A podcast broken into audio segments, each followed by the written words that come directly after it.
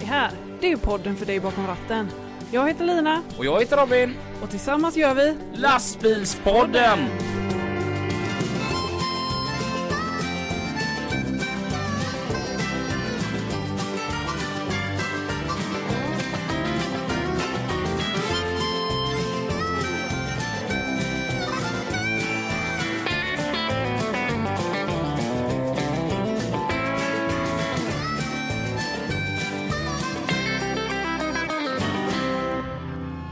Välkommen till ett nytt avsnitt utav eh, lastbilspodden. som är det tredje som vi spelar in uppe i Norrland. Ja, Norrlandspodden. Ja, det det har varit härligt här. Ja, verkligen. Mm. Vilket ställe. Ja, Ja. Det enda som jag kan tänka är dåligt, det är ju uppkopplingen på mobilen. ja jag, jag trodde du skulle säga vädret. Fast det har ändå varit bra. Ja, men Och det har det är över förväntan idag. Ja, Ja, ja, vi hade ju räknat med väldigt, väldigt mycket regn, Mm. men det har kommit några små duggskurar egentligen. så när egentligen så ska vi vara nöjda. Ja, jag är Jag var supernöjd. supernöjd ända tills jag kollade på Nyhetsmorgon i morse och såg att det var 17 grader och sol hemma. Idag så på vår här turné så tar vi en till lokalbo. Och ja, det är som att man behöver inte vara just från Ramsele utan här uppe i Norrland så är allt lokalt bara man kommer norr om, norr om Dalälven. Liksom. Så att idag så säger vi varmt välkommen till. Lars Jonsson. Hej Lars! Hej! Vad arbetar du med? Jag försöker försörja mig på att sälja lastbilar, släpvagnar och påbyggnationer sedan ganska många år tillbaka. Till dig ja. Och vem är du? Ja, jag bor i Gävle så att det är ju precis på gränsen in i Norrland. Och så att det är ju strykare. Norrlänningar tycker egentligen inte att det är Norrland men man brukar ju säga att Dalälven är en, en ingångsporten till Norrland. Mm.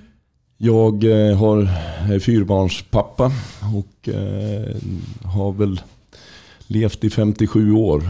Mm. Och eh, jag räknade ut här på morgonen och tänkte fan 57 år är långt. Det är nästan 21 000 dagar. Kom jag fram till. Det, det är tungt. Mm. och, och väldigt många av de där 21 000 dagar har kretsat kring lastbilar faktiskt. På Kul. olika sätt. Mm. Jaha. Ehm, är det som så att norrlänningarna kallar dig för jävla låtsas-stockholmare? Typ så, det beror på hur. Men nu är det så, faktiskt så att vi befinner oss i Ramsele för eh, de som inte har förstått det på, på lastbilsträffen. Och min far härstammar väldigt nära härifrån. Så egentligen är, har jag mina rötter längre norrut än Gävle. Ja, så då är det okej då. Ja, det får de fan tycka. Det tycker jag. Spelar du paddel? Eh, Jag, jag blev inbjuden av en kund och var med två gånger. Sen ringde de aldrig mer. Så att, eh, jag har försökt, ja. Kör du Volkswagen Passat, leasad? Eh, Nej. Wow, då är du alltså inte en mellanchef utan du är en riktig chef. Ja, typ. Ehm, De här 21 000 dagarna, när de här 21 000 dagarna bara var ungefär, eh, ja, vad ska vi säga, Eh, nu ska jag räkna fort. Åh herregud, nu får Fan, du räkna. räkna? Nej, när de här 21 000 dagarna bara var 2 000 dagar, då var du typ sju år. Och så lägger vi på 365 till, då är man åtta. Mm. Ja. Kunde du cykla då? Ja det kunde jag för det var ju, fordon var ju viktigt i mitt liv tidigt. Så att eh, cyklingen, den, den, jag cyklade som fan rent ut sagt. Eh, jag var helt galen på att cykla. Det har gått över nu för nu cyklar jag aldrig. eh, men, eh, nej, men då, åtta år, det kretsar ju mycket. Jag är ju uppväxt i ett åkeri. Och eh, vi hade väl egentligen två grenar i det åkeriet. Det ena var relativt lokala körningar. Vi körde medicin ifrån Stockholm upp i södra Norrland. Men sen så hade vi en utlandsdel. Och eh, min pappa då, han tyckte om utlandsdelen. Så han var väldigt mycket borta. Eh, Eh, vid, den tiden, då får man, när jag var åtta år, var 1973. De flesta lyssnare var inte ens födda då tror jag. Men eh, eh när farsan var ute, vi, vi hade bilar som gick på Spanien. Och mycket med möbler, med flyttningar. På den tiden så var det ju väldigt förmånligt för eh, ja, folk som har tjänat pengar i livet att flytta till Spanien och, och då bekvämlighetsskatta där nere. Och det var, det var våran stora grej. Så vi hade tre bilar som gick på Spanien fram och tillbaka. Plus att farsan då, han tog alla möjliga tokiga uppdrag. Han var rätt galen min pappa. Eh, Det var spännande att, att vara med på den resan. Eh, Så han, han jobbade mycket åt utrikesdepartementet. Och så när det var skumma körningar då var det ofta Rune Jonsson i Gävle som fick dem. Så han, Bland annat så e- evakuerade han svenska ambassaden i Beirut när det var inbördeskrig med sin eh, Mercedes lastbil.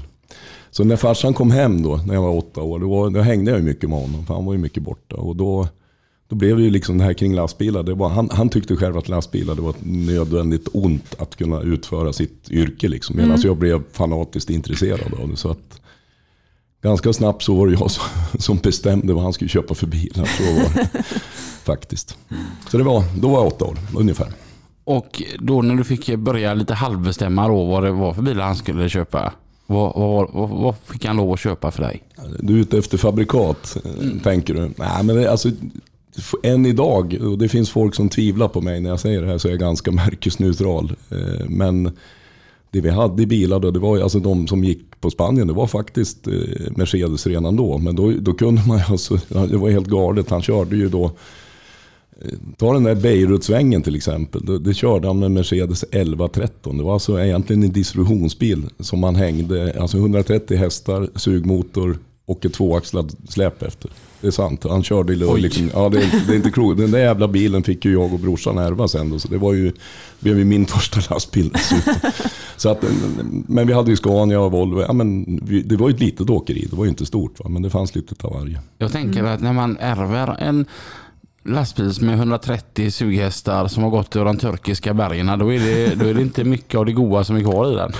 Det var ju så att, att den där biljäkeln då, eh, CNP 702 som den hette, det är liksom, den blev ju ståendes efter de där eskapaderna då, i, i turkiska bergen, så den ställdes liksom åt sidan. Och, och när jag blev lite äldre, eh, när jag var uppåt ja, 15-16 år, då stod ju den här bilen lätt bedagad i en hörna på gården. Så det, det blev ju min första customisering då. För trackingvågen hade ju kommit då i början på 80-talet. Svempa mm. startade den och då började man då liksom så smått med det. Så att den här bilen blev då customiserad så tillvida med extra ljusbågar och nagkapslar och, och farsan och jag lackerade den på gården en, en, en helg. Så, där. så det var, det, den där bilen hängde ju med länge faktiskt. Ja. ja, 84 tror jag vi hade Var det här innan du fick körkort då? Ja, det var innan och det, det var ju den man började tjuvköra med. Såklart. Så, ja, det var innan, det var innan jag ens hade vanligt körkort. Ja. Mm. Mm. Blev det transport på gymnasiet? Det fanns inte på den tiden. Utan, eh, alltså jag är ju född 65, jag är ju nästan 100 år känns det som ibland. Men nej, det fanns ju inte sånt. Utan när jag, när jag skulle välja till gymnasium, det var... Jag hade rätt lätt för mig, åtminstone i grundskolan hade jag rätt lätt för mig. Så jag tänkte, vad fan ska jag göra nu? Jag vill börja köra lastbil. Jag måste bli 19 år. Det var liksom stressen i det hela. Och vad ska jag göra fram tills jag blir 19 år? Mm. Jag, måste, jag, jag, måste ju gå i gymnasiet. Det är liksom, så är det ju. Mm. Eh, så, äh, fan, fyraårig teknisk blev det då. Det, det, på den tiden fanns det ju då fyraåriga tekniklinjer. Det var ju ja, rätt korkat. Det svåraste som man hoppar in. Så jag är ju så kallad gymnasieingenjör då. Jaha. Så lag, lagom, till, lagom tills den skolan var klar så blev det lite lumpen och sen blev det ju köra. Då. Mm. så, jag fyllde ut tiden fram till lastbilskortet med att gå i skolan faktiskt. Men det gick mm. halvbra. Den är ju bra, men du är ändå ingenjör då i grund och botten. Ja, väldigt. 25 öres typ. Och, men, men ändå, ändå, spelar du inte pad, pad inte ens badminton eller? Måste bollsinne då också. Nej, det gör jag inte. Så då när du var 19 år där och eh, stod där med din ingenjörsutbildning så kastade den och så hoppade in lastbilen istället? Det, alltså, det var aldrig aktuellt att använda den här ingenjörsutbildningen. Det är rätt kul. Jag gick i skolan med en annan kille som heter Per Olsson. Han, han har drivit Parator eh, på senare år. Men han och jag är född exakt samma dag, samma år. Mm. Och Per han blev ju verkligen ingenjör. Så han jobbade på Scania många år och, och, och jobbade med det. Och, eh, medan jag hoppade in i lastbilen. Mm. Sen så möttes våra vägar senare i släpvagnsbranschen. Första lastbilen? Ja, men det var ju alltså, den första som jag betraktar som lite mer min egen. Den här Mercan som vi pratade om, det var en sak. Och den, den var ju väldigt plågsam att, att jobba i. I och med att vi körde flyttningar, då, jag och min mm. brorsa. Den här bilfan hade ju korthytt dessutom. Så att vi, vi bäddade tvärs. Jag var jätteliten, det var en liten seg jävel. Men, men inte så stor som jag är nu. Så vi bäddade tvärs i den här hytten. Eh, brorsan sov över, vi, vi bäddade ut med flyttfiltar över motorhuven. För den var låg motorhuv på den, den var före sin tid på det viset. Han mm. sov över sätena och jag slog på tvären framför eh, växelspaken. Och för att vi skulle kunna sova i den där biljäveln Då var det en sån där, eh, handbromsen var ju inte tryckluft på den där, utan det var typ krycka som du drar upp ur golvet.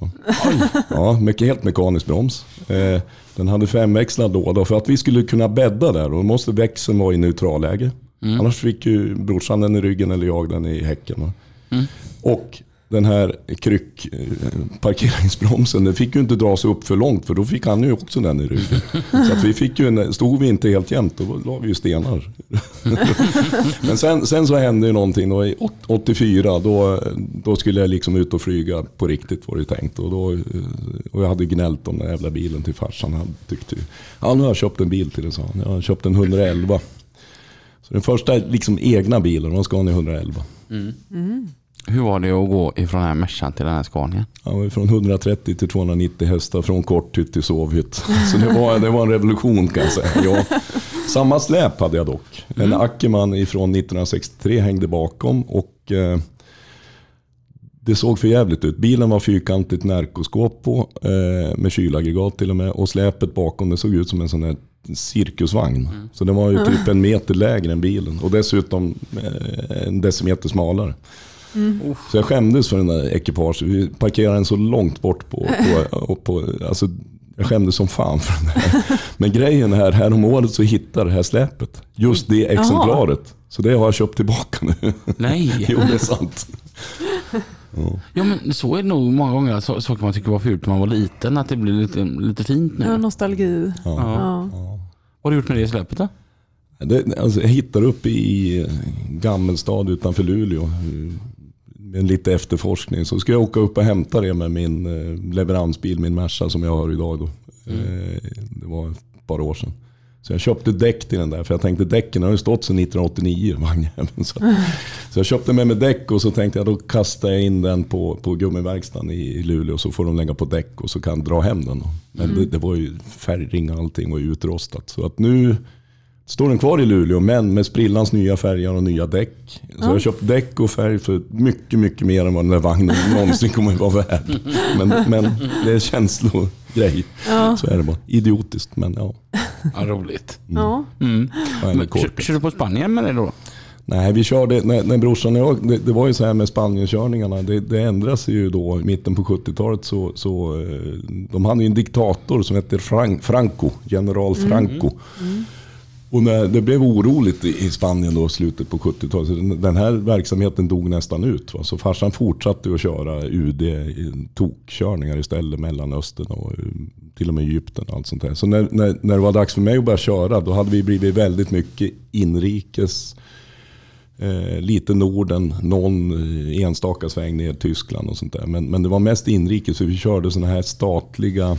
Alltså staten, om, om man var arbetslös på 80-talet som det här är, då, då, då fick man flyttbidrag. Bodde du uppe i Kiruna och fick jobb på Scania i Södertälje, då betalade Arbetsförmedlingen flyttningen.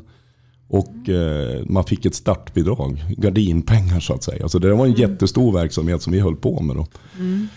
Eh, och, och, så vi körde AMS-flyttningar, vi körde präster och vi körde eh, statstjänstemän och sådana grejer. Ett jättestort avtal hade vi då, gemensamt ett gäng eh, flyttåkare i hela Sverige. Så vi, vi var med i en organisation som hette FMT.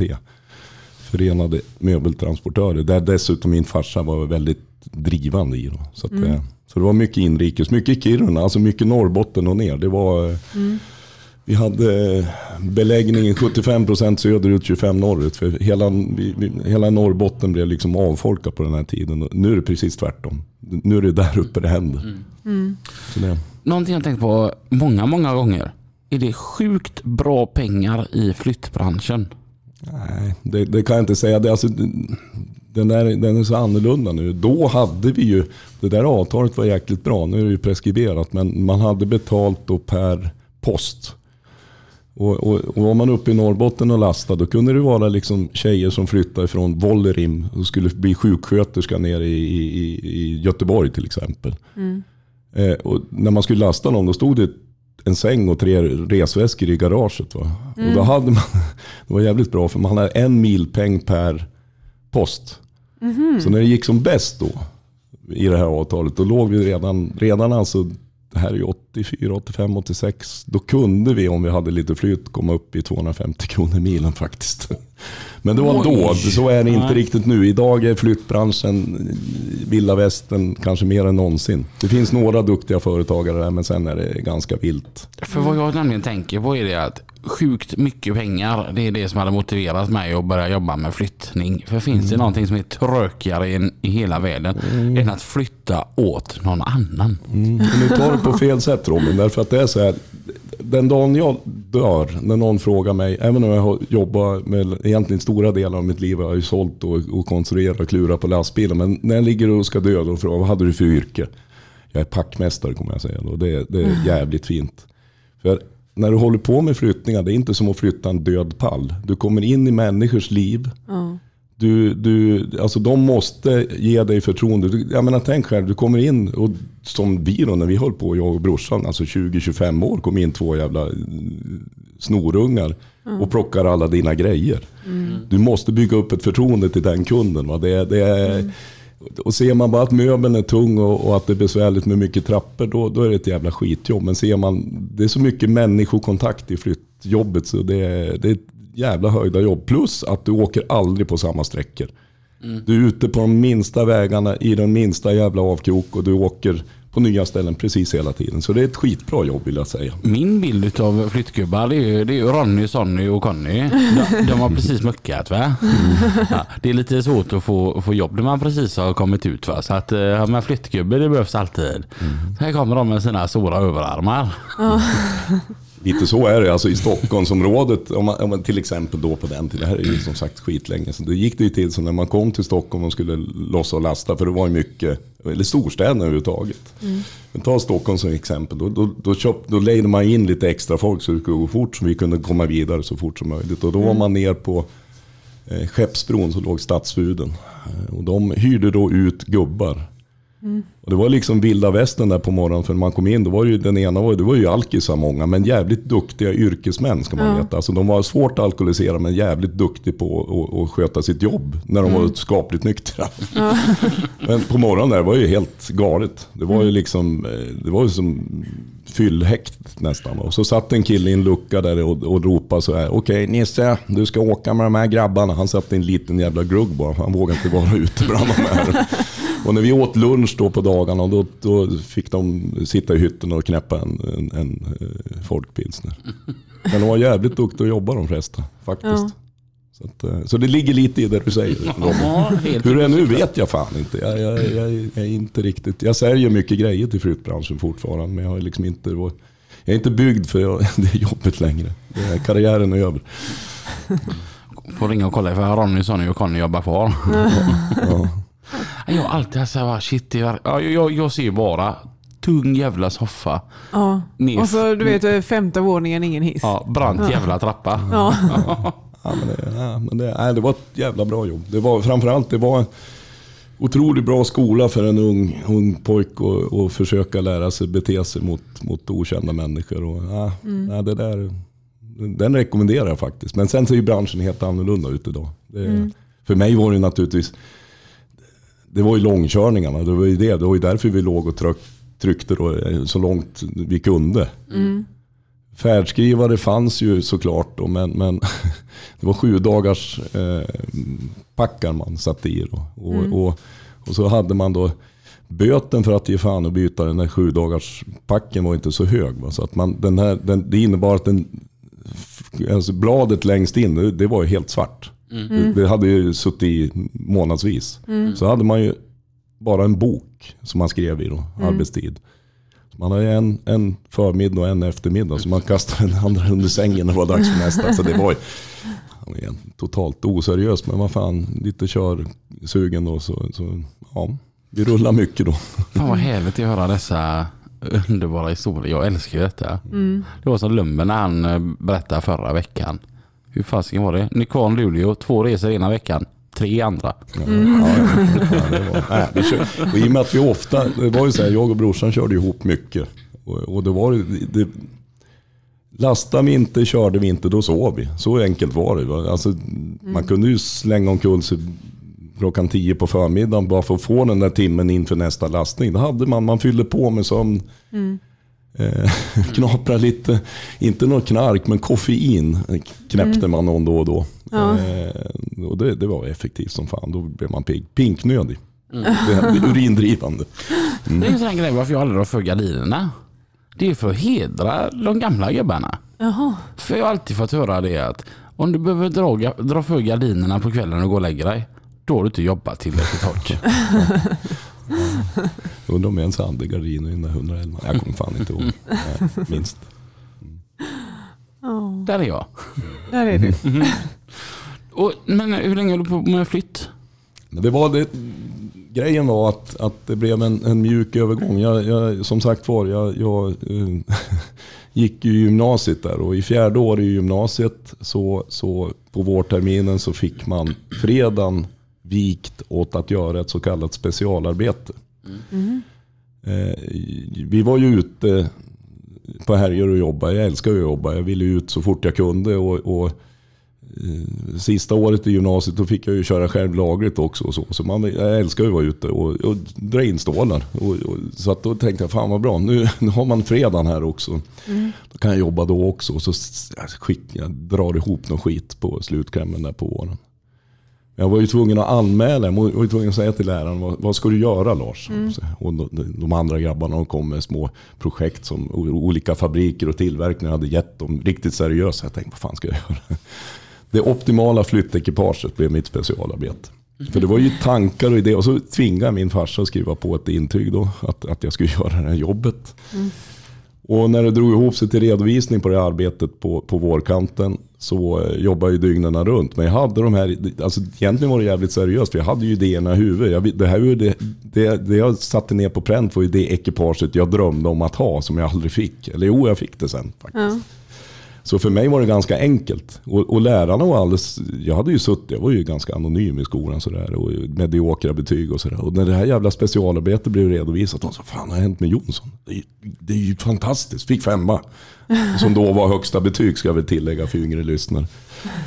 Och det jävla specialarbetet som jag då egentligen bara hade fuskat igenom för att jag ville jobba på fredagarna. Det blev då så pass bra så det här blev presenterat för styrelsen i det här FMT då, som, som då var ägt. Det här FMT ägdes då utav 60-70 flyttfirmor i hela Sverige. Alla de stora. Egentligen alla var delägare i det här. Det var en jättestor organisation. Och de, fan det är ju genialt. För då hade vi haft möbelbussar nästan uteslutande fram tills dess. Ja, någon skåpbil sådär. Så och det här baserar sig på växelskåp. Ja. Och en massa små genomtänkta detaljer. Så det där utmynnade i att parallellt med att jag körde så, så eh, Mercedes skulle in på tunga marknaden då. Det här nu är vi framme i 87.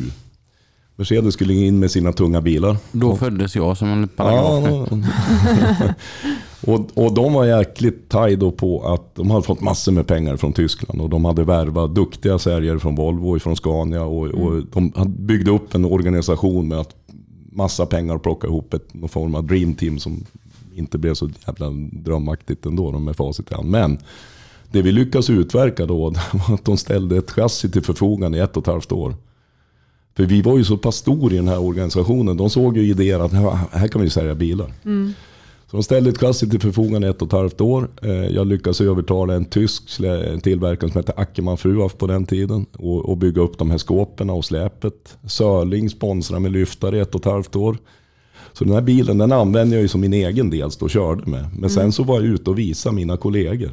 Så det blev ju någon konstig mjuk övergång från chaufför till säljare till konstruktör. Jag, alltså det är lite diffust hur, hur det här gick till och när jag egentligen slutade köra. Alltså det jag slutade köra egentligen varje dag, det var nog 89. För då fick jag jobb på, som säljare på Volvo i Gävle. För de hade ju sett, då, vad fan är det för konstig kille som, som kommer hem med en massa nya släp. De visste inte vem jag var. Och rätt vad det var så ringde de och frågade om jag ville ha jobb. Och då blev det så. Så då slutade jag väl egentligen köra varje dag. Så det är ju rätt länge sedan. Och då började du sälja lastbilar. Ja, då blev det ju så. Ja, men, alltså, grejen med det här specialarbetet, jag började ju sälja de här grejerna till mina egna kollegor först. Det här, det här projektet som jag hade hållit på. Så de köpte, vi byggde upp, vi kallade det för system, system 108 hette det. 108 stod för 108 kubikmeter. Så det, det blev ju så, jag började importera de här släpen i egen regi eh, då. mm, fan gammal var jag då? 21-22 år någonting. Så det, ja, och det var så det började. Va? Men gjorde ju lite det här ihop med, med farsan var ju lite inblandad och man var ju lite revoltig av sig. Så när Volvo kom och erbjöd mig det här jobbet då tänkte jag, nej fan, du, du går jag den vägen istället. Så, att, eh, ja, så gick Hur det till. gammal var du då? 89, jag, jag hade väl inte, det var på våren så jag var 23 var jag. När jag blev Volvo. Och då var jag yngst faktiskt i Sverige som, som lastbilssäljare. Sen var det en, Jag tänkte det var precis dit jag ville komma, att vad ung du var. ja, jag var, sen var det en annan kompis till mig som planerade det. Till och med slog det med två månader något år senare. Per Eriksson, din jävel. Däremot så kan jag, om jag nu ska skryta, det är inte att skryta om sådana här gamla lag. Jag blev faktiskt säljchef då 1990. Det, då, det tror jag ingen jävel har slagit mig på i alla fall. Det tror jag inte. Och då var du Ja, 24. den du. Ja. Men eh, ja. Var inte rolig. Ja, men sen var det så jävla bångstyre då, för att jag har alltid velat... Jag har gått min egen väg så jag blev förbannad på chefen där. Så, något år senare sa jag nej, jag går min egen väg. Jag vill... Eh, du är dum i huvudet sa jag inte, men jag tyckte det. Ja. Så att då, då gick det vidare och då började vi egentligen med de här finska släpen som jag än idag håller på med kan man säga. Så att, eh, Och det var 94. Ja, 90 egentligen. pff, Vad fan kan det ha varit? 90 program, 90, det var precis när det vek. Det, var, det, det blev en jäkla lågkonjunktur där. 92 kanske där någon gång var det. Och det, och det som hände då det var ju att, att det gick överhuvudtaget inte att sälja släpvagnar för det fanns ingen marknad. Det, totalmarknaden, om jag minns rätt, 92 var 300 vagnar eller något sånt där. Det var helt sjukt. Och idag är det normal marknad, jag kan inte ens men jag gissar 3-4 tusen. Jag kommer ihåg jag åkte ner till Volvo. Till, han, Sverigechefen på Volvo hette Peter Hansson på den tiden. Och, och jag åkte ner till honom och sa nu, den här jäveln jag jobbar åt han är dum i huvudet, nu skiter jag i det." Och så säger han Peter åt men sitt lugnt i båten, säger han. Sitt lugnt. Det kommer bri förändringar där, det är lugnt. Men du vet väl att vi håller på att gå in i en djup lågkonjunktur, säger han. Ja, alltså, fan, jag har läst någonting om det där.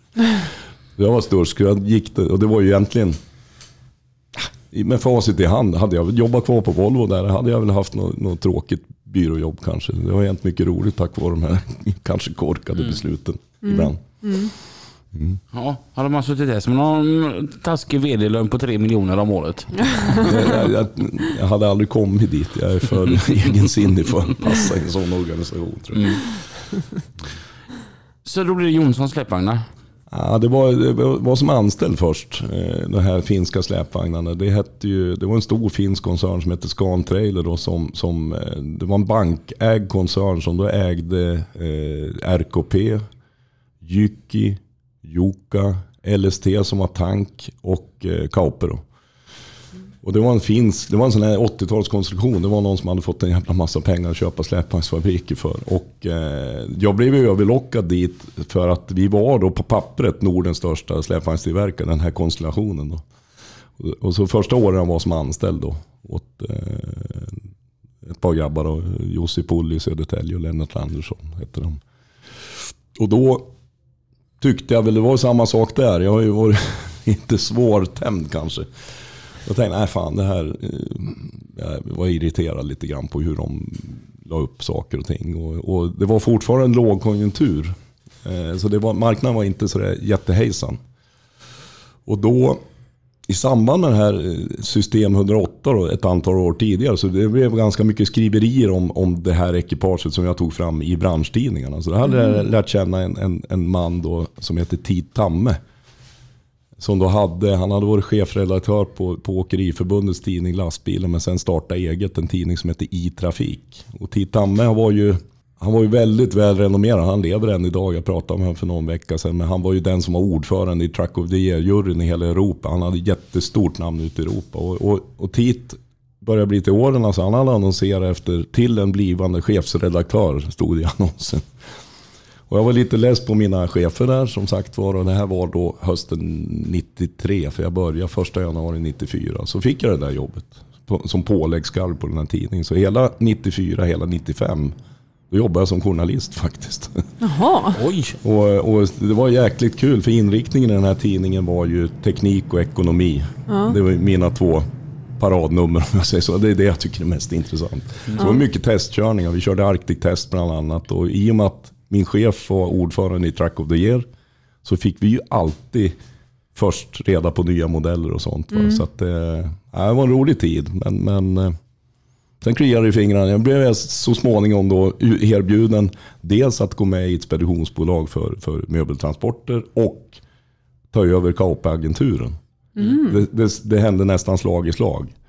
Och jag längtar ju faktiskt tillbaka och göra affärer. Det var faktiskt så. Och, och, så då eh, sa jag upp mig från tidningen och så började jag sälja lastbilar igen. Och då var det i egen regi. Så man kan säga första januari 96. Ska vi se, då har ni haft 25-årsjubileum. Ja, men eh, det finns... Ja, ja fan usch ja. Det, men, Kö- men, ja, precis. Ja, nej, men det, det finns ju en lite spår i det där också. Historien är inte klar. Ja, det, det, finns en röd tråd i mitt liv och det är att jag har haft den här verksamheten med släpvagnar och grejer. Det har alltid gått. Sen har det alltid varit sidospår. Man har varit involverad i olika verksamheter till höger och vänster för att man tyckte det var roligt och ibland har man tjänat någon spänn, ibland har man förlorat. Men det här bolaget då som jag startade 96, eh, det hette ju Lars Jonsson Lastvagnar. Eh, och eh, 2005 då hade vi en rätt stor verksamhet. Vi hade hyrbilar. Vi hade de här agenturerna. Det var det är inte bara Kape på den tiden. Utan det var ju LSD tankbilar från Finland. Det var Chero frysbilar från Frankrike. Eh, Vi hade en påbyggnadsverkstad. Eh, Vi var, måste jag då säga, jävligt vass på begagnat. Vi hade väldigt stor begagnat handel. Så 2005 då flyttade vi till nya lokaler. Vi var 15-16 man. Eh, Jag började känna att fan det här är för mycket personorienterat kring mitt namn. Så I och med flytten då bytte vi namn på det här bolaget till TTC Truck Trailer Center AB. I samma veva när vi precis hade tagit det här beslutet, eller vi, det var ju bara jag, jag hade, styrelsen var jag. Jag hade tagit beslutet att vi skulle skaffa nya lokaler, bygga nytt kontor och fan hans mormor. Då eh, säger min fru till mig så här att du, eh, vi hade två ungar vid den där tiden. En tjej som är född 97 och en 00. Och så säger Ia till mig så här att eh, vi ska ha barn. Och, och vi får inte bara en, vi får två. Så att eh, det där, och, och grabbarna är född 05 i, på sommaren. Och jag hamnar ju, alltså jag, jag fattar än idag inte hur vi kunde överleva. Det var, det var tufft alltså. Nybyggt kontor, ny satsning, allting. Fyra relativt små barn hemma. Mm. Och mitt i det här som en skänk ifrån ovan så i början på 96 då blev jag kontaktad av en, en man som hette Bertil Andersson som då ägde Bilmetro. Och Bilmetro är ju precis nu sålt till Scania. Då. Det är ju en av Sveriges största Scania-återförsäljare. Och Bertil han såg att deras verksamhet var ganska stagnerad. De sålde nya lastbilar, de sålde reservdelar till nya lastbilar, de reparerade nya lastbilar. Men de var skitkast på begagnat. De hade inga egna hyrbilar.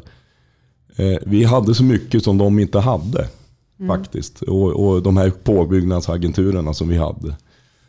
Och det där utmynnade i att Bertil och jag satt och pratade förutsättningslöst kanske i ett halvår. Och sen säger han rätt vad det är. Är bolaget i salu? säger han. Och jag tänkte, ja, nej, det vet fan. Tänkte jag, men ja, kanske.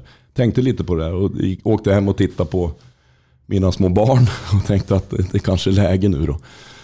Och det utmynnade att jag sålde då, vad var det då? 2007 i maj tog Bilmetros moderbolag, inte Bilmetro själv, över det här bolaget då som hette TTC Truck Trailer Center. Eh, och det drev, drevs ju som ska jag säga, kusin till Scania-bolaget. Vi var helt fristående från Scania-bolaget. Så vi sålde ju eh, än idag, jag har alltid varit vild. Jag har aldrig passat in som påbyggare egentligen i eh, då Lina lastbilssäljarens ögon. Så är, vissa hatar mig fortfarande. Så är det. Därför att jag köper ganska ofta in ett chassi och så bygger jag ihop det och så säljer jag bilen. Och Under den här tiden när Bilmetro ägde oss, då, då var ju 07-08, det var ju ett jävla tryck innan, låg- innan det small då. Så att det var ju typ som nu, ett års leveranstid på en Volvo eller en Scania. Och jag hade ju kvar mitt goda samarbete med Mercedes sen den här starten då, så att säga. Så att det, det här Scania-ägda bolaget, eller det här kusinen till Scania-bolaget i Gävle sålde ju in i helvete mycket att- Och Bertil och han satt, jag satt i Scania Bilmetro lastbilars styrelse och vi hade liksom omvänt sådär. Så att jag satt ju då när vi gick igenom registreringsstatistik på, på Scania-distriktet. Ja, Okej, nu har Merca, fan, Merca har 20% nu. Och, och jag, jag fick ju skit för det naturligtvis. Medan Bertil, ägaren, han satt ju bara och tyckte det var lattjo För totalt hade han ju 70% eller 75% kanske på marknaden. Så det var en liten vild tid. Så är det. Men, men ja, okej. Ja. Och, förlängning på det då, det var ju att naturligtvis säljer man ett bolag och vill ha någonting betalt, då skriver man på klausuler som säger att man inte ska konkurrera. Så jag skrev ju på det som gällde ungefär i fem års tid. eh, Att dels, ja, ja, det hade kostat mig pengar om jag hade lämnat det. Och faktum är att jag ville lämna det redan efter ett par år. För jag, jag vantrivdes i den här stora organisationen. Inte för att de la sig i för mycket i, i min verksamhet inom situationstecken. Det var ju deras. Utan det var tvärtom. De brydde sig för lite. Det var min frustration. Så sen så 2013 då körde jag igång det som idag är Jonsson Lastvagnar. Och där är vi väl nu då kan man säga. ja. Lång historia. Har ni somnat lyssnarna? Ja, antagligen. Mm. Jag bara wow. Alltså så här. Ja, vad mycket du har fått uppleva. Ja, ja, men det har hänt mycket och det är väl det är väl någon bokstav kanske som sprattlar som vill att, det- att det ska hända grejer. Vad, eh, vad gör vi då? Vad jag gör idag. I den här nya verksamheten då, eh, som egentligen jag driver sedan 2013. eh, Jag bestämde mig för två saker då när jag gick, eh, ja, körde igång. Så jag, jag köpte tillbaka mina agenturer helt enkelt. Och då, det, det bestod då i, i Kaupe, Cherot, Eh, LST, tankgrejerna som vi höll på med, det avstod jag med. Vi höll på med bensin och oljetankar. För vid den där tiden så var det, det var mycket stora, oljebolagen la ut det på stora aktörer som liksom bara köpte eh, volymgrejer. Så jag kände att det där var inte våran nisch. Så den, den lämnade jag då. Eh, så jag köpte tillbaka dem och så bestämde jag mig för att nu ska jag lugna ner mig lite grann. Det här är nu då snart 10 år sedan. Då var jag alltså f- 48. Jag tänkte nu, nu, nu jävlar lugna ner Och jag bestämde mig för att jag ska inte ha några anställda mer. För jag var eh, faktiskt jäkligt less på att ha mycket folk runt mig. För jag fick bara ägna mig åt väldigt mycket annat än det jag egentligen tycker är kul. Det, det för med sig mycket att ha, ha, ha folk runt sig. När man trodde att man fick alla hästar att springa åt samma håll, då var det alltid någon jävel som spårade ur åt något håll. va. Och det, nej, det, jag, jag gillade inte det. Det, det. var inte min grej. Och då bestämde jag mig för att lugna ner mig lite grann och jag satt och tänkte, jag gjorde en budget för då hade jag då Kaupe, Cherot då, som var stora grejerna. Jag tänkte okej, de här stora kunderna, vi hade Arla Foods var ju en jättestor kund. Väldigt mycket utan mjölkbilar, mjölkdistributionsbilar ni ser är ju Cherot-skåp som kommer ifrån mig då. Jag tänkte Arla kommer jag aldrig köpa utan en sån här liten kille. Men det, jag hade jävligt fel. Utan de fortsatte och gjorde det. Så att min verksamhet blev ju upplagd på ett annat sätt. Jag, jag, jag började köpa konsulttjänster från andra som hjälpte mig att göra vissa jobb istället för att de var med på avlöningslistan. Men vol, alltså volymen fick jag ju kvar. Jag kunde ju inte säga nej. Eh, och då, så att, jag har ju trummat på sen dess då i en, åt helvete för högt tempo och sålt för mycket grejer. Så jag, jag menar, enmansföretag om man säljer 150-170 enheter per år. Det är liksom inte bra långsiktigt. Och så har det egentligen sett ut hela tiden. Men gubben blir ju äldre. Så att det vi har gjort nu, och det är så sent som i våras, det är att Chiro då som är kyl och frysgrejer. Soriberica som vi också har som ett spanskt kyl och frysmärke. Det lyfte jag ut vid årsskiftet i ett nytt bolag som heter Frigotrans Products. Som jag den första april sålde majoriteten i till eh, en god vän som heter Glenn Sjö som driver JPG Escaross nere i södra Halland. Så det bolaget har vi ihop men det är de som ska springa så att säga där. Så, så det, tanken, är, och det är ju alldeles nytt där, det är ju att jag framgent ska ägna mig åt bara Kaupe egentligen. Och lite, ja, lite diverse såklart men, men mest Kaupe. Och räkna pengar. Ja, om det vore så Robin, för de här jävla åren ska du veta sen pandemin kom har, har varit stentuff. Eh, när pandemin kom så kom det inga order först. Det var ju vad som hände ett antal månader. Och, och när orderna väl började komma då fick vi inte ta på grejer och, och bygga våra släp. Och där är vi fortfarande. Va? Så att jag har eh, jättefin orderbok. Men vi har alldeles på tok för låg utfakturering. Så just nu så eh, pratar du med en fattig man kan jag säga. För, nej, det är alltså skittufft.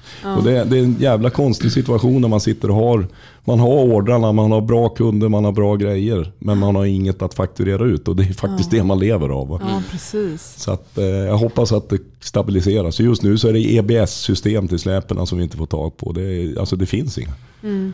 Så att, eh, ja, men kanske snart då. Vi får se. Nu sitter han och räknar pengar. Ja. Det, det, det är sjuka, men det här låter ju som man är kommunist nästan. Men jag faktiskt, och det, det kan jag förbanna mig själv på ibland då, efter alla år man har hållit på med det. Hade man haft normal eh, hjärna då hade man ju varit eh, väldigt stadd vid kassa vid det här laget. Va? Men jag har aldrig, det låter lite kommunistiskt där, men faktiskt så har jag aldrig drivits av stålarna. Utan jag har drivits av att hitta lösningar på problem. Jag kan bli lika taggad på om någon jävel kör av vägen på natten och ringer och säger du nu måste vi låna ett släp direkt. Mm. Lyckas jag lösa det så är jag jävligt tillfredsställd utav det fast det blir inga pengar av det. Mm. Så, att, ja, så, så tillvida har jag nog varit rätt korkad. Mm. Men ja, vi, vi, ska nog klara oss ändå på något vis. Mm. Ni lyssnar på lastbilspodden. Med Lina och Robin. En av Sveriges snyggaste lastbilar har ju du vägt. Jag misstänker, jag tror jag vet vilken du menar. är den blå? Den är jätteblå. Mm, ja, jo. Mantorp 2019 och jag bara Lina, nyp mig i armen. det är pervers för fan. Det, där med. Ja, oh, ja, det var en god bil. Vad var det för en bil? Det var en förserievagn som Volvo säger. Gyllenhammar han sa vagn. Så det var en förserievagn utav FH-serien. Eh, en tid, jäkligt tidig 93, den var byggd 92. En FH16 520 fullmatad. Med eh, det fantastiska mätarställning när jag köpte den på typ 18 000 mil. Mm. Eh, ja, en unik bil. Jävligt kul bil. Dess, dessutom så hade den då stamtavlan då i den att eh, den hade ju varit demobil. Eller demo, visningsbil var den väl egentligen. Den aldrig, hade ju aldrig varit ute på väg. Och sen eh, Boje Ove Brink var ju stor. Han är ju stor på olika sätt än idag. Han gör ju ett jättejobb fortfarande. Men han höll ju på med truckracing då. Så det här blev ju hans stallbil. Mm. Så de drog ju hans racetrailer med den här och sen tog Janne Flash Nilsson över den också. Så den hade, hade ju, när jag fick tag på den här bilen, den hade ju bara levt ett liv som, som motorsportdragare. Liksom. Mm. Så att, eh, ja. Ja, det var en trevlig bil. Men man kan inte behålla allt. Man kan 98, 98ans eh, blinkers och... Ja, ja precis. Det är en nörddetalj som bara du ser. ja. Och så den underbart goda blåa färgen. Den är ju så... Uff. Snygg. Ja, sen det som också var lite kul med den där var att de hade ju en, en, en påställd pump då, eftersom den hade ju varit med i trackracing-svängen och den satt ju kvar. Så den var ju... Ibland när jag drog släp, jag hade ju drag i bak på den där och på, när det var blött på vägen var den fullständigt livsfarlig. Alltså det, den ställdes ju på tvären direkt. Mm. ja, den gick bra. Fräckt. Mm. Mm. Du har, men du har mycket stort intresse för gamla lastbilar. Ja, oh, det har jag. Och det är väl delvis ett dåligt samvete det där. För i och med att jag hanterar otroligt mycket begagnade bilar genom åren. Och, och på, vi skickar iväg, jag gillar ju Volvo extra mycket vad det gäller gamla bilar. Och, och vi skickar iväg otroliga mängder med F10, F12, F16 på export. Så det finns ju knappt mm. några kvar. Det var ju liksom Sveriges mest sålda modell, mm. alla kategorier. Nu finns det nästan inga kvar. Mm. Det, ja, så det, då vill jag bevara dem. Jag vägrar alltså exportera en F10, F12, F16. Det gör jag inte längre. Mm. Alltså, det, Vilken är den finaste lastbilen som gjorts? Finaste, alltså den mest fulländade bilen i min värld, eftersom jag var Volvo-säljare i slutet på 80-talet när F16 kom. Mm. Det, det var en fantastisk bil. Jag menar då, vi nu får väl Scania-säljarna spaden, men jag menar slutet på 80-talet som till exempel timmerbil. Vi var outstanding med F16 mot Scania då. Det, och Volvo hade bättre hytt än Scania hade. Volvo låg verkligen före på den tiden vill jag påstå. Det, just den bilen med den motorn är fan det mest underbara som, som har byggts, tycker jag. Jag har några stycken. jag har några stycken. Jag tycker det är så coolt med tre stycken vindrutetorkare. Ja. Och det hade vi, nu kommer vi tillbaka till den här jävla Mercan då. Den här gamla Merca 1113 som jag blev pådyvlad. Den, den var ny 71 och då var jag sex år. Mm. Och vet du vad den hade Robin? Den hade tre torkare. Nej, jo. ja, efter. Sen nördgrejer som mm. man bara wow. Mm. Mm. Det är coolt. Um, jo, till, tillbaka till dina bilar. Vad har du för bilar? Gammel, gammelbilar tänkte du eller? Ja, det är det som är roligt. Ja, okay. ja. ja just nu, det är ju så här att man har ju... Jag drivs ut av projekten där också. Jag får en vision när jag köper den. Jag, grundidén först, rädda den ifrån skrot eller rädda den från export. Det är liksom nummer ett. Det är det som gör att jag liksom då köper dem. Mm. Så just nu så, ja, det, vet jag, det kan stå 15-tal någonting då, i olika skick. Har, I princip så har jag en vision för alla de här. Mm. Och, och, för att och, och, och, så bygger, gör jag, förverkligar jag en vision då och då. Men jag kan ju inte bara göra som du tyckte jag skulle göra med FH16 och Robin. Att när jag byggt den, lekt med den några år. Jag har inte den ekonomin att ställa den på hög. Utan då måste jag avyttra den. Då säger jag alltid till någon som jag vet förvaltar den. Och i mm. FH16s fall så är det Stefan Nordberg nere i Hjärnarp. Och han är, han är ännu större entusiast egentligen. Och bilen är om möjligt ännu finare idag. Mm. Eh, så idag det jag har i, gott skick så har jag med här i Ramsele så jag har min F12 från 1982.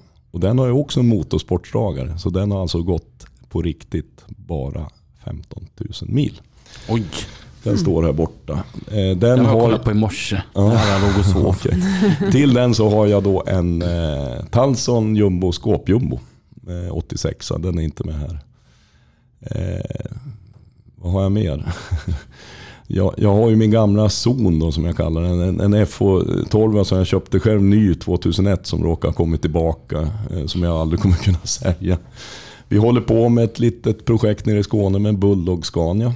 En eh, LB76 från 64 som ska få en möbeltrailer. Sen har jag städat lite grann då för att göra plats för de här nya projekten. Men, eh, ja, det finns, jag har tre F16, jag har eh, ett långchassi, jag har två dragbilar. En av dragbilarna där har vi ju, leker vi med. Mm. Så den har vi ju då vi har en, träff nere i Knutstorp varje år. Och, och från början där fick vi köra bana med lastbilarna. Mm. Så vi ställde ju på skruva pump. Då. Och då var det där så jäkla kul. Så då byggde vi om en ny pump och vi satte på en större turbo. Och så har vi kört lite dragracing med den också. Mm. Så att, eh, ja nu börjar den bli fulländad. Mm. Men den, den, är för fin för att leka med så motorn ska över i, i något annat. Ja. Lättare. Okay. Mm. Hur långt det tar det att restaurera en lastbil? Jag, jag försöker ju köpa ganska vettiga projekt, eller objekt. Eh, inte de värsta skrothögarna. Sen är det ju mm. så att i och med att jag har det jobb jag har, jag har, jag, jag har inte massor med tid. Utan mm. jag blir ju mera... Jag önskar att jag kommer att jag kan liksom ha tid att göra mera själv. Men jag blir mera projektledare kan man säga. Ja, så att jag ja. bestämmer så här ska det se ut och så ser jag till att andra gör det. Så har det väl gått till egentligen. Så att, eh, mm. Men eh, beroende på hur, hur är man målinriktad så har man väl fått klara en bil på ett halvår i alla fall. Men det handlar ju om ekonomi också. Ja. Visst. Det är inte så än att dina barn börjar säga så här att pappa nu börjar det bli äldre, nu börjar det bli mycket grejer där hemma. Det får inte vara för mycket grejer för att vi ska ju sälja det här en dag. Nej, jag har ju en fru som jag försöker gömma grejer för istället. så att det, ungarna har nog gett upp på det, men, men ja, det kommer någon gång då och då. Ja, så okay. Hon ser ju hur lycklig jag är med dem där, så att jag, hon låter mig leka. Har du någonsin köpt en lastbil och hållit den gömd för frugan? fan ska, ska jag svara på det här? Nej, det var en gång faktiskt, det kommer jag ihåg. Jag har en kompis, då, han är också med här. Eh, Roger Lindström. Han, eh, han började köpa lastbilar, men han har tivoli nämligen. Mm. Mm. Eller hade tivoli, det har han sålt nu. Så då gick det till så när jag, jag sålde skapliga bilar till honom. Och när de hade, han var jävligt duktig på att hålla reda. Tvärt emot de flesta andra tivoli så höll han jäkla bra ordning på sina bilar. Men när han hade kört klart så har jag köpt tillbaka dem för då har det blivit en veteran. Mm. Han hade en brun färg på sina bilar och någon eh, liten motivlack på. Och jag hade ju köpt en till sån. det stod en brun F-torva inne i min verkstad. Och helt plötsligt så står det en brun Mercedes 2448 på samma plats i verkstaden. Och, jag tänkte, och så kommer min älskade fru in i verkstaden. Och jag trodde hon såg ju fan ingen skillnad på dem, i samma färg på dem. Hon såg direkt. Ja, jag har köpt en till så. Och då, då var man, ja, undanhållt, undanhållt, jag vet inte. Ja, alltså, kanske, kanske då. Mm. Lill-Thomas, en, en god vän till mig och Lina, han, han hade varit och köpt en ny traktor. Mm. Igen. Mm. Det här är så jävla bra. Vad säger Lina då, hans fru? Hon, han bara, äh, det är två tysta middagar och i värsta fall en natt på soffan. Sen är det över. Ja, ja, ja det, det kan väl vara typ, typ något sånt kanske. Men eh, ja, ja, Jag tycker det är lite gulligt sen när man gömmer grejer. Ja. jävligt opraktiskt med stora lastbilar. Det är bättre om man samlar på frimärken. Men har du någon annan eh, hobby eller eh, så utöver lastbilar? Det, alltså, nej, det, det, det låter ju jättetråkigt. Men har man fyra ungar och i och för sig nu är den äldsta ju 25 år och faktiskt två av tjejerna är ju i, i åkeribranschen. Eh, om man är en familj, ett jobb som kräver rätt mycket eh, och har det här galna intresset. Jag är ju nörd alltså. Så att, fan, jag behöver inte ha så mycket mer. Det, tiden finns inte. Jag, Kul att, åka, alltså, kul att åka och resa och se och göra grejer självklart. Va? Så det, det, det älskar jag. Det, men i det här vardags fritidslivet så då finns det inte mycket plats för annat än det här faktiskt. Nej. Men jag tycker det är kul. Var det fyra barn du hade? Mm. Hur skulle de beskriva dig? Ja, jag, jag tror, alltså, någon gång har jag väl fått höra att jag har varit mycket borta när de var små. Men jag, jag känner faktiskt inget dåligt samvete för det där. För att jag har varit väldigt närvarande när jag har varit hemma istället. Och det här, det här med att man reser mycket och man känner att man är på fel ställe. Man, finessen med det här jobbet som man har. När jag är hemma då längtar jag bort ibland kan jag erkänna. Och det har jag ju vågat erkänt även för familjen. Jag vill ju ut och rulla. Va? Det är ju min, mitt element. Omvänt så längtar jag hem när jag är ute. Och då kan man ju drabbas och få dåligt samvete för det. Eh, Men jag har vänt på det där. Jag har alltid något att längta efter istället. Det, det, man måste göra så. Annars går man ju kring ha dåligt samvete jämt för man är på fel ställe. Nej, jag tror de tycker jag är en rätt bra gubbe. För de kommer hit, hit upp då. Det är rätt kul. Tre av fyra kommer hit. Och, och Egentligen har inte de något stort lastbilsintresse. Ja, möjligen en till och en av tjejerna. Men annars har de kommit hit för att vara med mig. Så, det, så jag måste ha gjort något rätt. Och hur, hur många av dessa fyra är i branschen? Ja, tjejerna då, Linn som är 25 år, hon, hon jobbar ju med containerhantering kan man säga. Så hon kör ju också lastbil inne på hamnområdet. Men hon kör ju containertruckar och sådana grejer. Eh, Så hon jobbar i Gävle hamn. I Fredriksskans som det heter. Tilda då, som är 22 år, hon kör kyl och frys. Eh, Mina produkter såklart. Mm. Tyvärr en Scania-linje. Så Ja, mycket Scania. Så, så Tilda hon är ju ute på vägen. Eh, Grabbarna då, som är nu, de går ju gymnasiet än. Den ena han går ju typ den linjen som jag gick då fast med lite arkitektinriktning medan den andra ska bli snickare. Så de två kan ju få ett jävla dreamteam. Ja. Ludvig ritar och Elias eh, snickrar. Så att, eh, men ingen har något direkt, och jag är inte...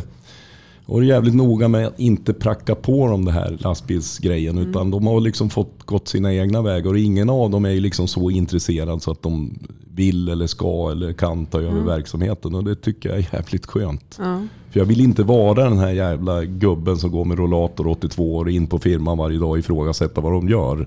Jag vill ha en, en, en, en familjerelation med mina barn, inte en Ja. affärsrelation. Men tror du de har ärvt din, eh, ditt eh, affärsmannaskap? Ja, det, det, det, det trullar, trummar igenom på sina håll, ja. Ja. Eh, vet ej. Men, men samtidigt så är det så att vara egen oavsett vad du håller på med är ju en jävla resa. Så jag, jag Ja. kommer inte stå och applådera om det blir utan jag kommer ge dem förmaningar om att tänka för. Ja. Att vara sin egen det är fritt så länge du inte har någon anställd. Så fort du får för att du ska anställa någon då försvinner friheten deluxe kan jag säga. Då är det ingen...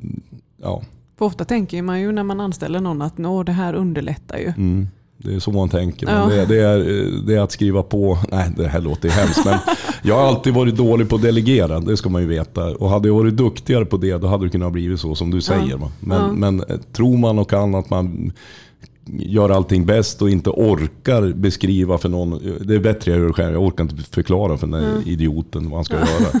Då, då är man ju där. Men det är ju som jag funkar. Det finns ju de som är duktiga på att rationalisera bort sig själv i sina verksamheter. Men det har jag aldrig gjort klara. De här 21 000 dagarna har ju handlat mycket om lastbilar. Har du aldrig funderat på om det inte hade varit lastbilar? Ja, men alltså, nej, det har aldrig funnits något annat. För jag, jag, när man är på en sån här träff till exempel, eller i det här passionen som finns inom åkeri och lastbilssidan finns inte i en annan bransch. Tänk om du hade blivit elektriker Robin. Ska du sitta och ska du gå på träff och diskutera kopplingsdoser med de andra grabbarna eller dricka pilsner och titta på en, en, en, kromad kopplingsdosa? Det finns ingen bransch som har den här passionen som den här branschen har. Det är därför man är kvar. Jag menar, fan, vad har jag för val? Jag är uppväxt i det. Det kommer ju aldrig bli något annat för mig. Mm. Vill inte att det ska bli något annat heller. Det var jäkligt kul. Igår så var ju Elov och Beni här. Mm. Och även Sofie Svensson och de där. Mm. Och när Elov och Beni spelar så så står jag och pratar med Tompa nere i publiken och vi går inte och tjötar lite och kollar. Och, och så säger jag att du måste tänka på det Tompa att alla som är här de, de är ju här med sina jobb liksom. Alltså det, det är deras arbetsplatser de, de tar hit. Mm. De har ju åkt liksom många mil, vaxat ofta på ett fordon de själva inte äger. Mm. Och, och ägnar en hel helg då och kanske ber om lov hemma att inte behöva komma hem. Mm. Eh, och så lägger de den här helgen på då någon annans lastbil och jag bara är så superglada. Jag sa, kan du komma på någon yrkeskår som är så dedikerad? Mm. Nej, finns ingen. Och det var lite kul, han tog med sig det så uppe på scenen sen. Mm. När han, för han lirar ju trummor då. Mm. Då sa han att jag vill bara ha allas uppmärksamhet lite. Vilket jobb ni gör. Mm. Aldrig sett så dedikerade människor. Det var lite mm. häftigt. Ja. Mm. Så är det. det, är det. Sen kan jag ju tycka att det, kan gå lite väl långt ibland när man går på sånt här område. Men mm. störs väldigt mycket av att den yngre chaufförskåren säger får inte jag en Scania V8 tänker inte jag jobba åt dig. Och får jag inte se så många lampor så tänker jag inte heller jobba åt dig. Så det har, mm. jag, jag, tycker det har spårat faktiskt. Jag mm. älskar snygga lastbilar. Det är inte det, men jag tycker att det är lite... Ja, inte riktigt rätt eh, hur det funkar just nu. Men det är ju brist på chaufförer så vad fan gör arbetsgivarna? Ja tyvärr så är det lite så, det, det har ju verkligen spårat de sista åren. Ja. Och just de här kraven har ju blivit sjuka. Jag hade ju uppe för några avsnitt sedan när det var en som ringde och sa att eh, jag så hörde att du sökte jobb. Ja, ska är det Nextgen med V8? Ja. Nej. Nej, då behöver du inte fråga mig. Nej. Det är mitt krav. Och då var hon 22 år och arbetslös. Det, ja. Men det är, det är chaufförernas marknad just nu. Ja. ja. Och det, men, ja, det, där, det där gillar jag faktiskt inte. Och så just det här att det, det är ett märke bara. De, de här, många har ju inte ens provat något annat. De har ju inte en aning om vad Nej, de missar. Det är de det har som, bara hört. Ja, och ja. Det, det där är fan inte bra. Men samtidigt vet jag inte vad man ska göra åt det heller. Så länge det är brist på chaufförer, då är det väl så här. Men det blir lite bortskämda ungar. Lite för mm. mycket kan jag tycka. Mm. Ursäkta grabbar, jag tycker om er i alla fall. Men det är, det är inte riktigt rätt. Mm. Får Svensson fråga mig hur det var att köra ett udda-märke som Mercedes? Mm. Ja, ja, precis. Ja, vi, ja, du ska ju sluta åka Merca nu Robin. Ja, mm. men äh, jag sa att du får nog gå in och kolla på världsandelen. Volvo är världens största lastbilstillverkare. Efter dem är det Mercedes. Mm. Ja. Så att, och jag har ju min, min nya Merca, vår leveransbil. Vi levererar ju alltid alla släp ut till kund. De ska inte behöva komma upp till, till mig i, i Gävle. Då är min fråga, för det här har jag tänkt på Lars. Mm. Många gånger ska du veta. Mm. Är det en service och du säger att de, det är för att de ska inte behöva komma till mig? Eller är det för att du vill ut och ja, det, ja, precis. Det är, ja, det är en, ja, tid, vi har alltid gjort så här och tidigare har vi haft chaufförer som har kört det. Men nu då, i och med att jag försöker renodla mera till bara Kaupe och jag har hela Sverige som distrikt. Så mm. varför ska jag då, jag älskar att köra lastbil. Varför ska jag då sätta en annan kille på att köra min lastbil och jag själv ska åka min tjänstebil bredvid och åka och besöka kunder. Utan det funkar ju så här att Säg att jag ska åka till Trelleborg till Rollepalm och leverera ett släp. Då. Mm. då tar det ju ett dygn längre för mig ner. För jag åker och dricker kaffe hos folk och visar mitt produkt. Mm. Jag har ju produkten med mig, det är ju perfekt. Ja. Och ofta så har jag ju sålt en vagn när jag kommer hem. Jag levererar en och har sålt en. Så det är liksom, ja. och, och, så får jag vara ute i min älskade lastbil och ha min egen tid då, ja. bakom ratten. Lyssna på lastbilspodden och mm. sådär. Mm. I ditt udda märke? Ja, det är att ett udda märke. Men om du pratar, jag bor väldigt mycket i min bil faktiskt. Och jag menar, när du är ute och åker med bil och släp, letar någon jävla hotell, det är inte lätt. Så jag bor väldigt mycket i min bil och så går man in och duschar. Du vet ju själv, det går att duscha var som helst nästan. Eh, och, och jag trivs jävligt bra i den och pratar man då boendemiljö och kontra då eh, andra märken. Våran vän eh, Tappani här nu han hade ju anammat Mercas Solo Star koncept med, mm. med en stol i hörnan på en mm. Scania. Mm. Och jag fattar inte att inget annat märke har det. Det är den mm. bästa mm. boendehytten. som finns. Det sjuka är att Scania hade ju det vet, på sin fyrserie för många år sedan. De, de hette, den hette den solohytten. Ja, du har, Den här där ja, du följde upp sä- sängen och, och så kunde du skjuta bak stolen. ja, ja, i princip så. Du hade sängen ovanför vindrutan. hade du ju på, eh, Ja, på tidiga fyra. Ja, på precis. Mm. Och så kunde du då skjuta bak den, den stå, passagerarstolen. Mm. Att man inte byggde vidare på det. Ja, det är sjukt. För eh, sitter man och kör nio timmar i en, en typ av stol. Och så stannar du, drar i handbromsen och så ska du ta och vila lite grann. Eller du ska relaxa lite innan du lägger dig i sängen. Vad gör alla andra chaufförer som inte har den här soffan som jag har? De går runt biljäveln, sätter en exakt likadan stol på höger sida. Alltså det är inte vettigt någonstans. Så nej, Volvo Scania, ni får fan rycka upp hyttdesignen invändigt, det tycker jag. Däremot så måste jag säga det. Eh, någonting jag kom på att jag hade saknat med Mercan. Jag har ju varit supernöjd med Mercan. Jag gick från en Volvo FH Globetrotter till Mercan. Eh, och någonting jag inte tänkt på eftersom man har haft Mercan i över fyra år. Men så nu när vi fick den här nya Volvon som vi har upp hit till Ramsele nu. Alltså kunna snurra stolen på hö- högersidan. Ja. Vad gött det är. Mm. Att det, Få ut fötterna lite och... Ja, för att igår kväll då, Lina, när, eh, för, för du, du sov inte i hytten utan du var Nej. boende där och jag tyckte jag kan lika bo i hytten för man bor bra i en Volvo. Eh, d- då hoppade jag upp och så snurrade jag stolen för jag ville ha en macka innan jag gick och la mig. Och vad gött det är att kunna sträcka ut benen sådär gött. Ja.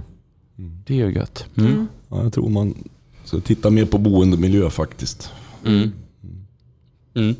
Vad är, idag är vi i Ramsele. Mm. Mm. Vad, vi har inte pratat någonting om det egentligen. Vilket ställe ni har där. Mm. Det här, Det var ju Speciellt. faktiskt Lars som kom till oss för ett år sedan och sa att kan inte ni komma upp till Ramsele? Här är vi. vad tycker ni om det då? Jag är imponerad faktiskt. Mycket. Ja. Det är jätte, jättefin, alltså väldigt bra organiserad utställning.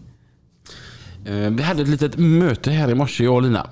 Där, där vi sa det att eh, om man ska se till hur bilarna är uppställda. Jag vill säga att de står sådär gött som de står på Vårgårda. Det, det är inte en flygraka utan de står lite, lite goa klungor. Och lite, ja. Ehm, det är ett stort plus. Faciliteterna är kanonbra med toaletter och restaurangen här och med rättigheter och allting är ett, ett bra frukosten för oss som ställer ut. Det var ju bästa jag har varit med om. Eh, banden, val av band samt vad man lägger för krut på det.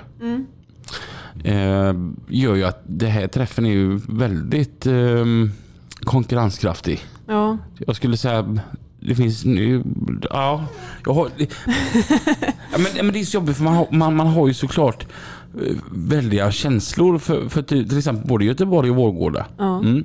Men ska man vara objektiv så är detta ett av de bästa träffar jag någonsin har varit på. Mm, kul. Jag, jag är ju inte arrangör egentligen, men det är goda vänner till mig som arrangerar det. Så det är skitkul. Det började ju liksom bara av en slump för 2008. Att Tre grabbar drog ihop lite bilar och på den vägen är det väl egentligen. Och, eh, men det som jag tycker är finessen med det här, det är dels området. Det är naturskönt, det är ett mysigt område där, där bilarna står. Och det är höst och det, det är kallt och det ska vara kallt. Tyvärr har det regnat lite mycket i år. Men just hela den feelingen med att man går påbylta på nätterna med en pilsner i handen och snackar skit med folk. Den, den är jävligt, det finns inte någon annanstans. Så att höstdelen är faktiskt en viktig grej det här för, för, för känslan tror jag. Sen en grej som jag verkligen då måste ge och det är någonting som varit dåligt nere på västkusten överlag så här med träffar runt om.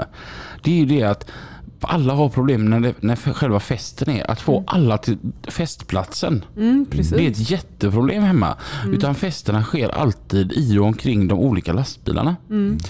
Här är det att, märkte man igår, det var ju förfest. med- Där folk gick runt och kollade på bilar, mös och det tjoades och kimmades. Och sedan när banden drog igång, alla förflyttades ju. Det var inte många kvar bland bilarna. Nej. Nej, nej. Nej, det var väldigt roligt att se faktiskt. Mm.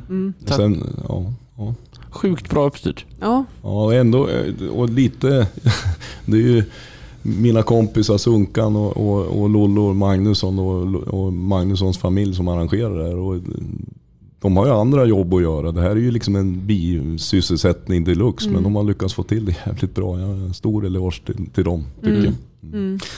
Det enda som var negativt är telefontäckningen. Ja, För vi har ju varit så här att vi ska lägga ut mycket på sociala medier. Men Ja. det, vi kan bara göra det när vi sitter här där vi spelar in. För Ja. här har vi wifi. ja.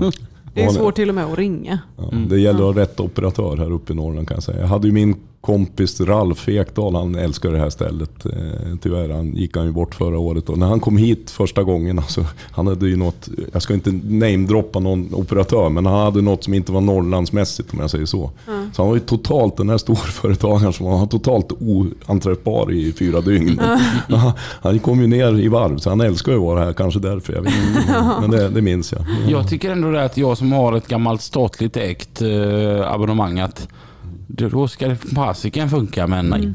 Nej. Nej, nej, Och det är verkar lite- vara svårt för alla oavsett Ja, egentligen abonnemang. Jag tror att det är, jag, vet, jag har inte en aning hur sånt här funkar, men masterna klarar för det. Är, just- det- alltså Ramsele har ju typ 900 invånare normalt. Va? Nu Ja. är vi väl 6-7 tusen, jag vet inte. Alltså, så Ja. det är klart som fan att, att det, det blir väl någon överbelastning kanske. Ja. Men det har varit sämre än vanligt faktiskt i år. Mm. Annars, grymt ställe. Ja, verkligen. Kul. Här blir man ju sugen på igen alltså. Mm. Kan inte ligga lägga en sommarträff? Nej, men jag tror inte det blir samma grej. Och, och framförallt så, mm, nej, Ramsele ska vara på hösten. Eh, Det, så är det bara. Mm. Jag hade velat gå på en vinterträff någon gång. Rickards farfar var det väl som snö. pratade om det igår, att han ville ha en eh, vinterträff. Ja. Okay. Samuelssons eh, åkeri Ja. från Ja, Nykroppa. men, då tycker jag Rickard kan eh, greja det i Nykroppa. Hör du det Rickard? Det fixar du nu. Mm, han, han pratade om att det ville han ju minsann ha. Ja. Alla skulle ha snöröv. Ja. Görfräckt. Ja. Så kan ju timmerbilarna försöka vinna priser. Alltså de får ju aldrig ihop några snörumpor. Precis, så här vore kul. Ja, Rickard är en sköning. Ga, gamkröppa från Nykroppa brukar jag kalla honom för. Eh, mm. Ja, det är mycket härligt folk här. Det var även kul att se att det är en gäng göteborgare som åkte upp. ja, Mm. det var ju riktigt kul. Mm. Ja, men här har vi haft skoj. Ja, kul. Vi har ju gått över våran timme här nu. Mm, det har vi. Men, men vad trevligt vi har haft. Ja, kul. J- Jag måste bara ett sista instick, någonting jag tänkte på när vi pratade flyttfirmor. Det var bara för att flyttfirman hemma, de hade typ samma telefonnummer som vi hade hemma. Så att det var ju rätt ofta folk ringde fel och så hamnade de hemma hos oss då. Och då kommer jag att tänka på det här med fasta telefonnummer. Mm. Vet du någonting du aldrig längre, eh, eller som du alltid säger idag som du aldrig sa förr? När man ringer till någon. Vart är du? Ja, just ja. Ja. Ja, det är sant. Och f- för förr då så ringde man ju till hemnummer då. Till Ja. exempel hem till mig 94 37 60. Ja. Vart är du? Ja, vad fan tror du? Du har ringt svarar du med numret då på den tiden? Det är ju nästa grej jag skulle komma i detta. Ja. Det är ju aldrig så att någon svarar med sitt fullständiga mobilnummer. Nej, men Du, du, jag var så här. Roland på gården hemma, han svarade alltid 94 30 09. Mamma. varför gjorde man det? Ja, varför gjorde man men det? Så, så gjorde man ju. Ja. Mm. Skitkorkat. Ja. Uh, och och, och jag, jag tyckte Roland var görhäftig så jag började med samma hemma. 94 37 60. jag lät som en gammal gubbe när jag var 12. eller. Ehm, varför svarade man så? Ja, Ja. det gjorde vi också. Jag växte upp. Ja. Men just idag. Hej, vart är du? Det var ju ingen som sa för. Nej. Nej. Då visste man vart man ringde. Ja. Det var en eh, sån liten eh, anekdot. Ursäkta mig, jag hittar själv ut. Tack så jättemycket för att eh, du var med här denna veckan. Mm. Tack Vi- för att jag vi- fick komma. Vi hörs igen Nästa vecka. och tills dess. Kör försiktigt. Ha det gött! Hej då. Hej! Hej då.